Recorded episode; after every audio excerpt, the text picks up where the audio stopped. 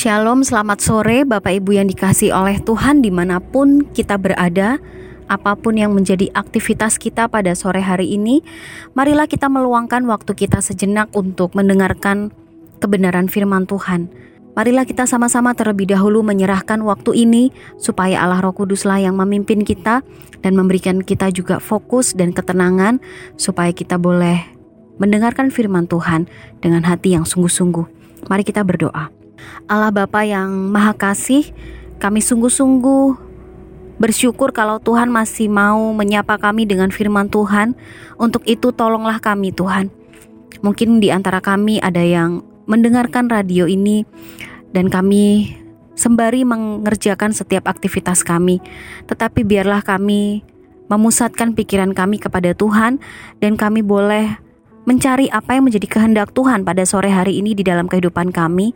Dan tolonglah Tuhan, siapa pun yang mendengarkan firman Tuhan atau renungan pada sore hari ini, Engkaulah yang memimpin hati dan pikirannya, supaya setiap firman Tuhan boleh ditaburkan di hati yang sungguh-sungguh mau diubahkan oleh Tuhan.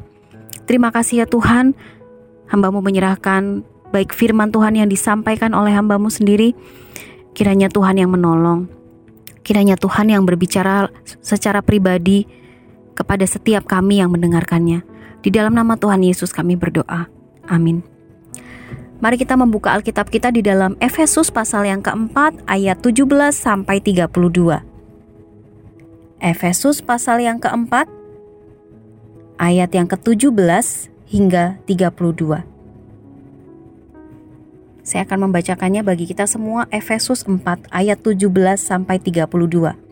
Beginilah firman Tuhan. Sebab itu kukatakan dan kutegaskan ini kepadamu di dalam Tuhan. Jangan hidup lagi sama seperti orang-orang yang tidak mengenal Allah dengan pikirannya yang sia-sia dan pengertiannya yang gelap, jauh dari hidup persekutuan dengan Allah. Karena kebodohan yang ada di dalam mereka, dan karena kedegilan hati mereka.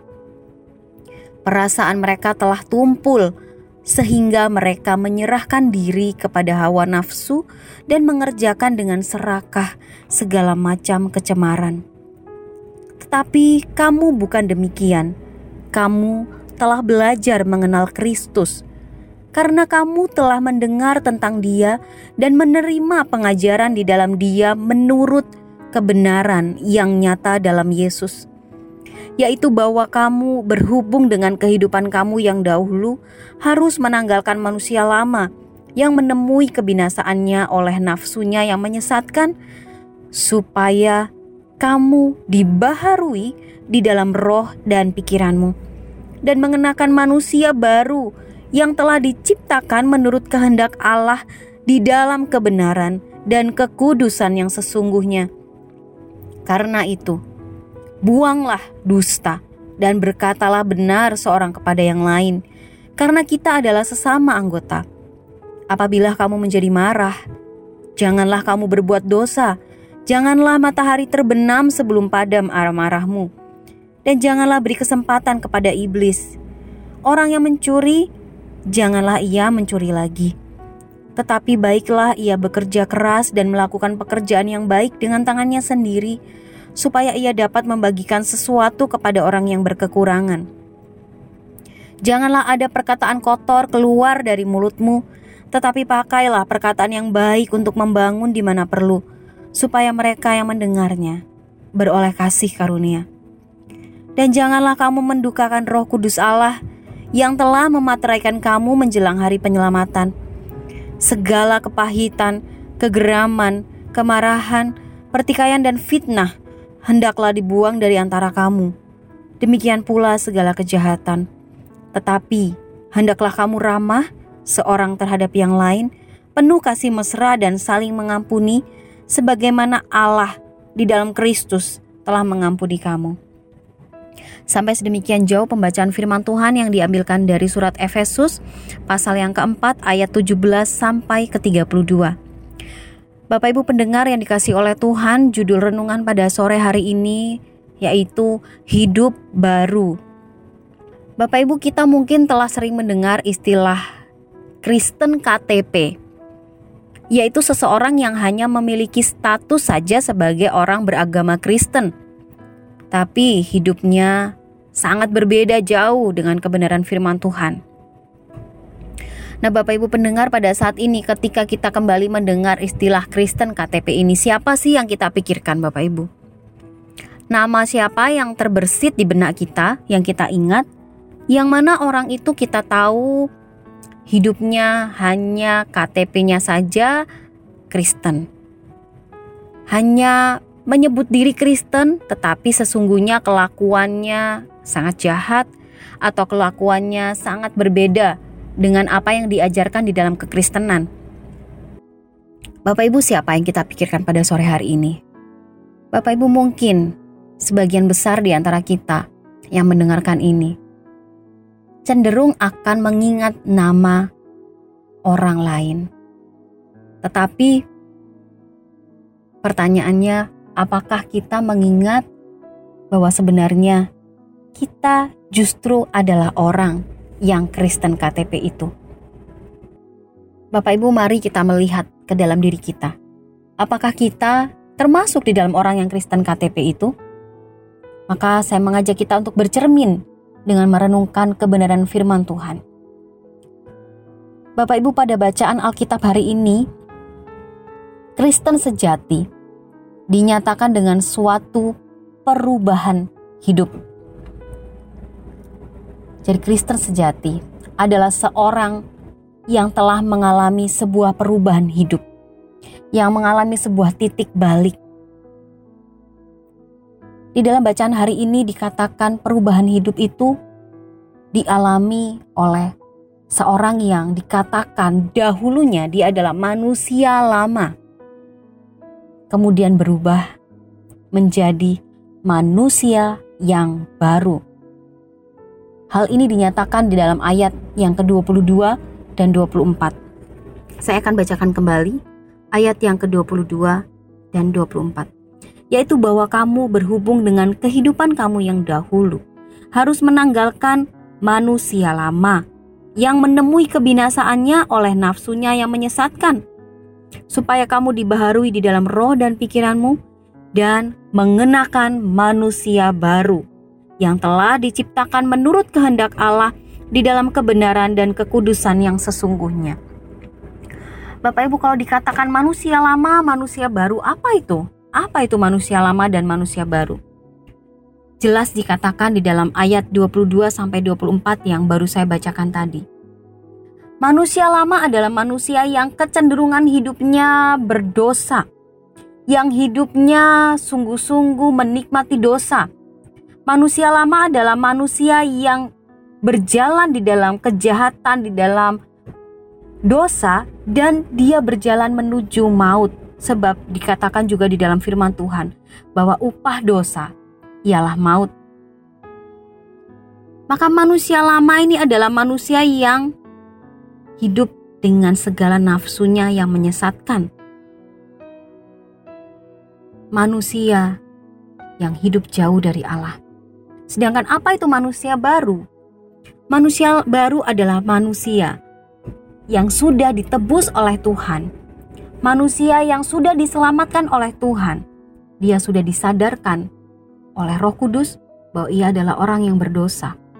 Ia sadar bahwa ia adalah orang-orang yang sebenarnya berjalan menuju maut. Manusia baru ini telah disadarkan dan dia berbalik kepada Allah. Dia berjalan di dalam kebenaran dan kekudusan yang sesungguhnya seperti yang dikatakan di ayat 24 dan dia disediakan hidup kekal oleh Allah. Nah, Bapak Ibu, jadi dari manusia lama ini ada sebuah perubahan menjadi seorang manusia yang baru. Kita mungkin pernah mendengar sebuah lagu atau sebuah himne yang cukup terkenal dengan judul Sejak Yesus di Hatiku. Lagu itu berlirik atau berbunyi demikian. Hidupku ada perubahan yang ajaib sejak Yesus di hatiku. Jiwaku rindu pencerahan terangnya sejak Yesus di hatiku. Nah, Bapak Ibu, lagu ini menggambarkan seseorang yang mengalami sukacita sejak Tuhan Yesus ada di hatinya. Ini adalah gambaran seseorang yang tadinya ia hidup sebagai manusia yang lama yang masih hidup ditaklukkan oleh dosa, tapi sejak Tuhan Yesus ada di hatinya, ia pun mengalami di dalam lirik lagu ini dikatakan perubahan yang ajaib. Bapak Ibu berarti seorang yang sudah menjadi manusia lama. Dia mengalami perubahan yang ajaib. Dia mengalami hidup yang baru, hidup yang betul-betul baru, yang sama sekali berbeda dari kehidupan dosa menjadi kehidupan yang takluk akan kebenaran. Bapak Ibu dikasih oleh Tuhan, di dalam mengikut Kristus, kita dikatakan harus memiliki hidup yang baru yaitu yang telah dilahirkan kembali oleh Roh Kudus menjadi manusia yang baru. Yang tadinya kita hidup terpisah dari Allah, sekarang menjadi manusia yang hidup bersekutu dengan Allah, bahkan menerima hidup yang kekal.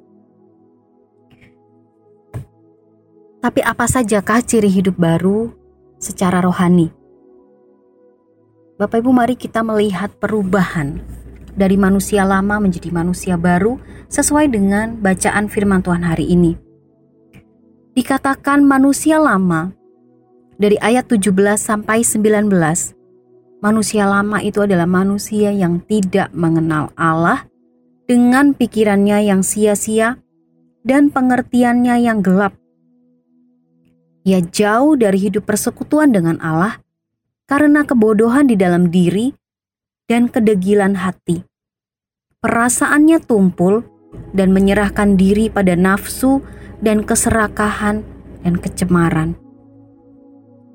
Dari manusia lama ini, kita bisa melihat, kita bisa melihat di dalam diri kita apa yang saat ini kita hidup, apa yang saat ini kita hidupi. Apakah kita adalah orang yang tidak mengenal Allah?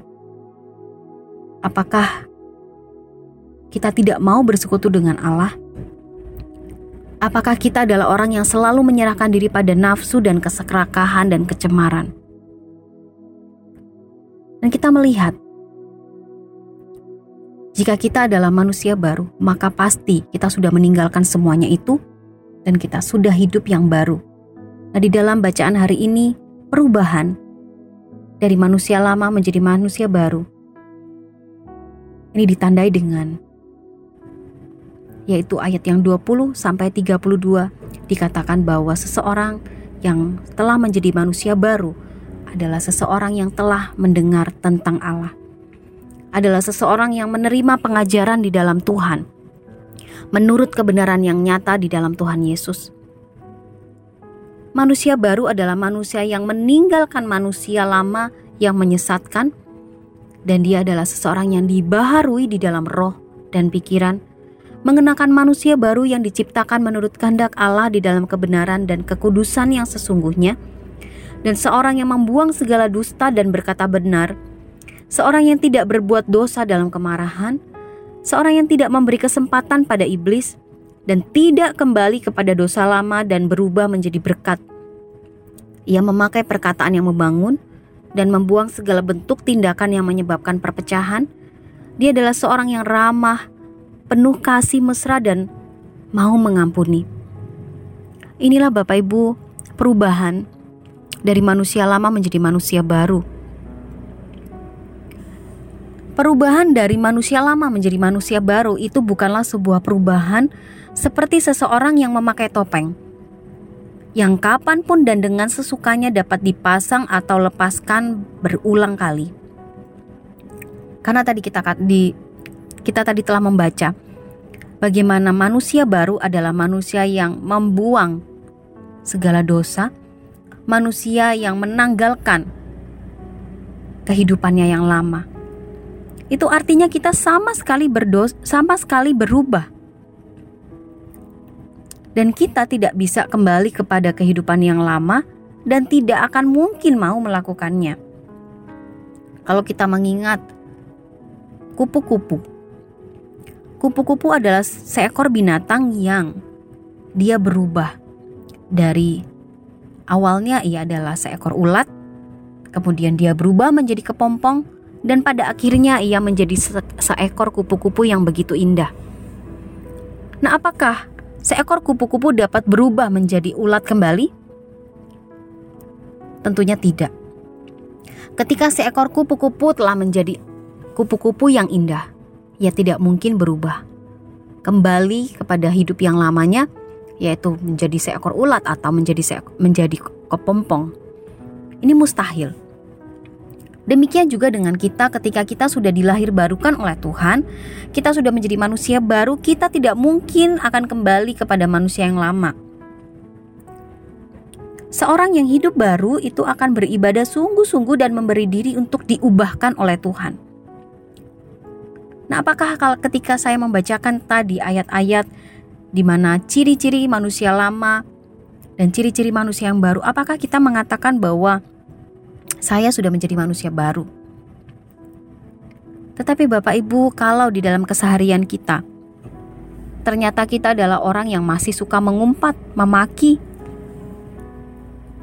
kita masih suka membicarakan kejelekan orang lain, kita masih saja memprioritaskan keuangan, kita lebih suka bekerja dan sampai lupa untuk berdoa dan beribadah Apakah itu dapat kita katakan bahwa kita adalah manusia yang baru?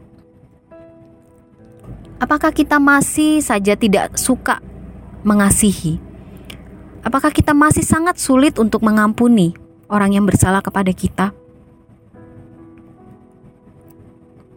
Marilah kita bercermin kepada firman Tuhan hari ini. Kalau dikatakan ciri-ciri manusia baru adalah orang-orang yang mengenal Tuhan, maka marilah kita melihat kembali kepada diri kita. Apakah kita sudah sungguh-sungguh mengenal Tuhan? Apakah kita sudah menanggalkan setiap kehidupan kita yang lama, kesenangan-kesenangan kita yang dahulu?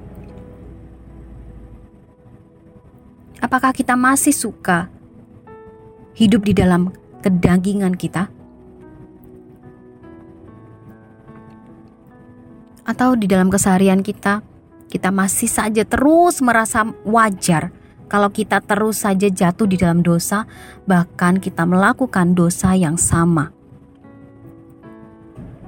Kita masih mengatakan bahwa itu wajar karena saya masih manusia, karena saya masih hidup di dunia ini, maka saya pasti berbuat dosa. Tetapi yang menjadi poinnya, apakah kita sungguh-sungguh tidak merasa bersalah dan tidak cepat meninggalkan dosa kita itu ketika kita hidup di dalam kebiasaan-kebiasaan yang menyakiti Tuhan. Apakah kita terus merasa itu adalah kebiasaan yang sulit ditinggalkan dan seterusnya? Maka pada sore hari ini sebenarnya kita ditegur kembali oleh Tuhan. Mungkinkah kita adalah orang yang sungguh-sungguh atau yang sebenarnya belum percaya kepada Tuhan? dengan sepenuh hati kita. Mungkinkah kita ini masih merupakan manusia yang lama yang hanya disebut Kristen saja secara status, tetapi kita tidak menunjukkan kekristenan itu sesungguhnya di dalam kehidupan kita sehari-hari. Bapak Ibu, mungkinkah kita masih mengenakan manusia lama atau kita belum hidup yang baru? Saya mengingat Bapak Ibu sebuah pertanyaan yang diajukan kepada seseorang yang baru saja selesai dibaptis. Dia ditanyakan oleh orang lain, apakah perbedaan ketika ia belum mengenal Tuhan, ketika ia belum dibaptis, ketika ia belum lahir baru, dengan setelah ia hidup baru? Apa yang menjadi perbedaannya? Dan orang yang menanyakan kepada orang yang sudah dibaptis ini menanyakan juga, kalau setelah dibaptis kita masih saja berbuat dosa, apakah yang menjadi perbedaannya?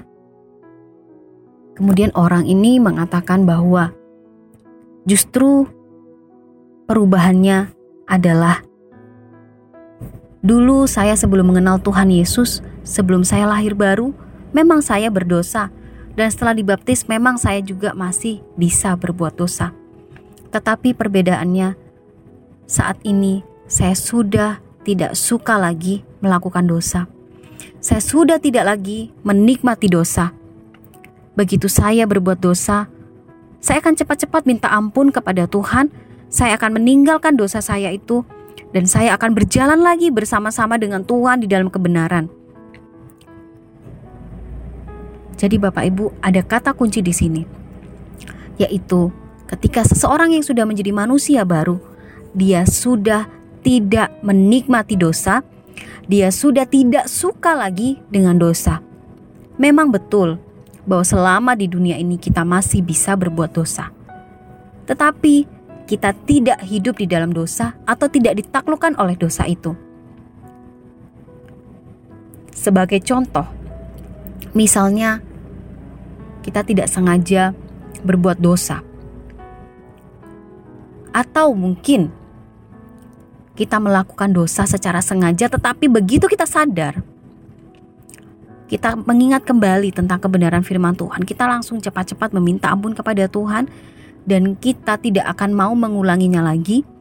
Kita tidak mau menikmatinya dan kita juga tidak mau seperti keledai yang jatuh di dalam dosa yang sama. Jadi Bapak Ibu seorang manusia baru, dia, adalah orang-orang yang betul-betul takluk akan kebenaran. Kalau dia diingatkan oleh firman Tuhan, dia akan cepat berbalik dan dia akan bertekad sungguh-sungguh saya tidak akan mau lagi melakukan dosa itu. Bapak Ibu, maka marilah kita menanggalkan, meninggalkan segala perbuatan dosa. Dan pada sore hari ini saya mengajak kita untuk meminta pertolongan Tuhan. Meminta pertolongan Allah Roh Kudus untuk senantiasa memperbarui hari kehidupan kita dari waktu ke waktu, supaya kita menjadi serupa dengan Kristus di dalam kehidupan ini. Saya tahu ini adalah pergumulan dari kita semua orang-orang yang sudah percaya kepada Tuhan, tetapi janganlah kita mundur, janganlah kita putus asa, karena kalau Firman Tuhan hari ini mengingatkan kita, itu artinya Tuhan mengasihi kita.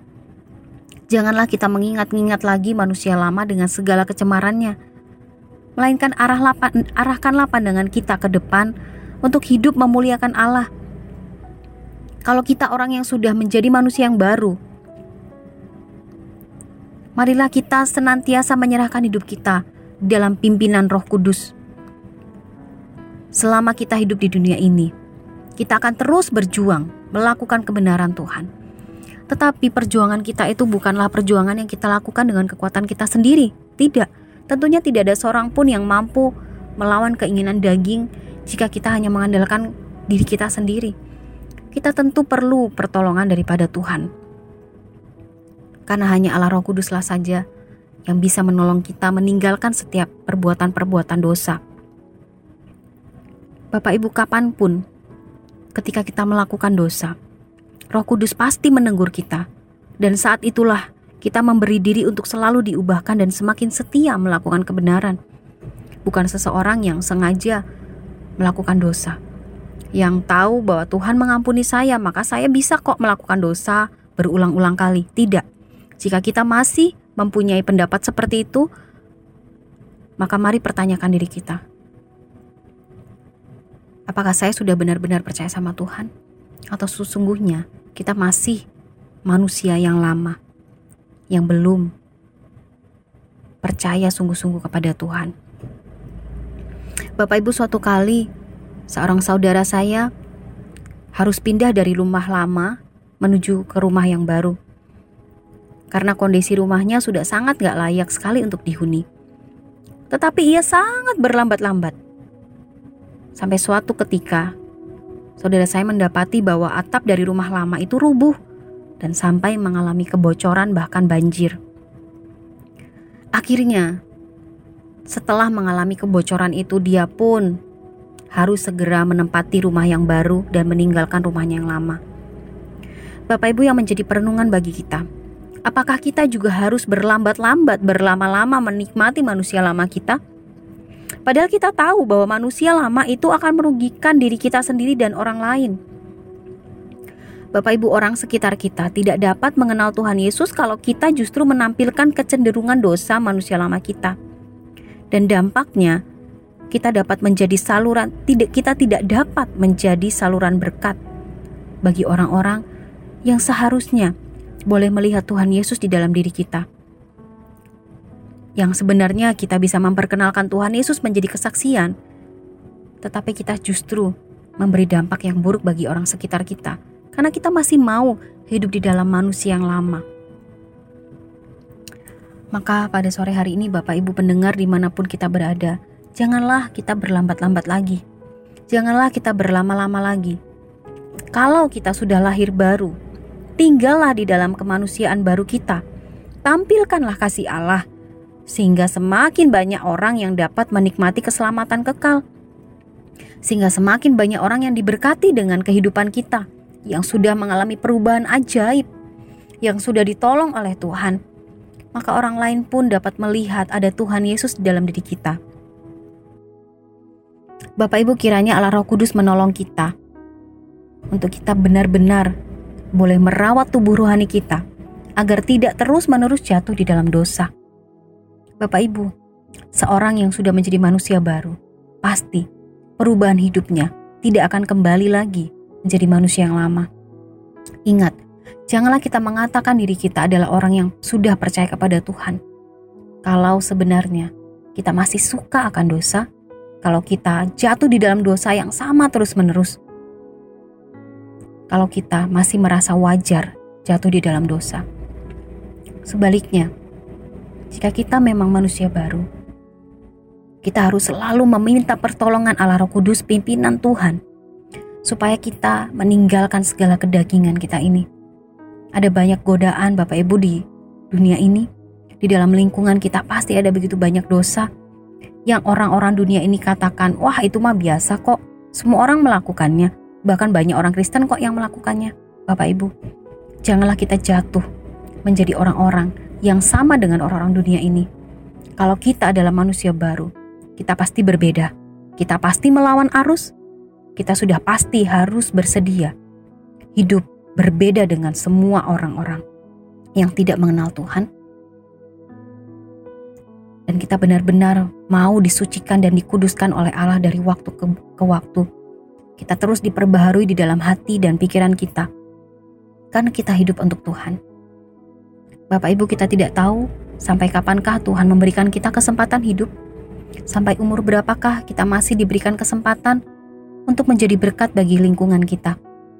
Maka selama kita masih bernafas, kita masih diperingatkan oleh Tuhan untuk kebenaran firman Tuhan yang boleh kita dengarkan, yang boleh kita baca mungkin, yang boleh kita temui di mana pun kita berada. Marilah kita memberikan diri kita untuk dipimpin oleh Tuhan, supaya kita memiliki hidup yang benar-benar sudah menjadi manusia yang baru.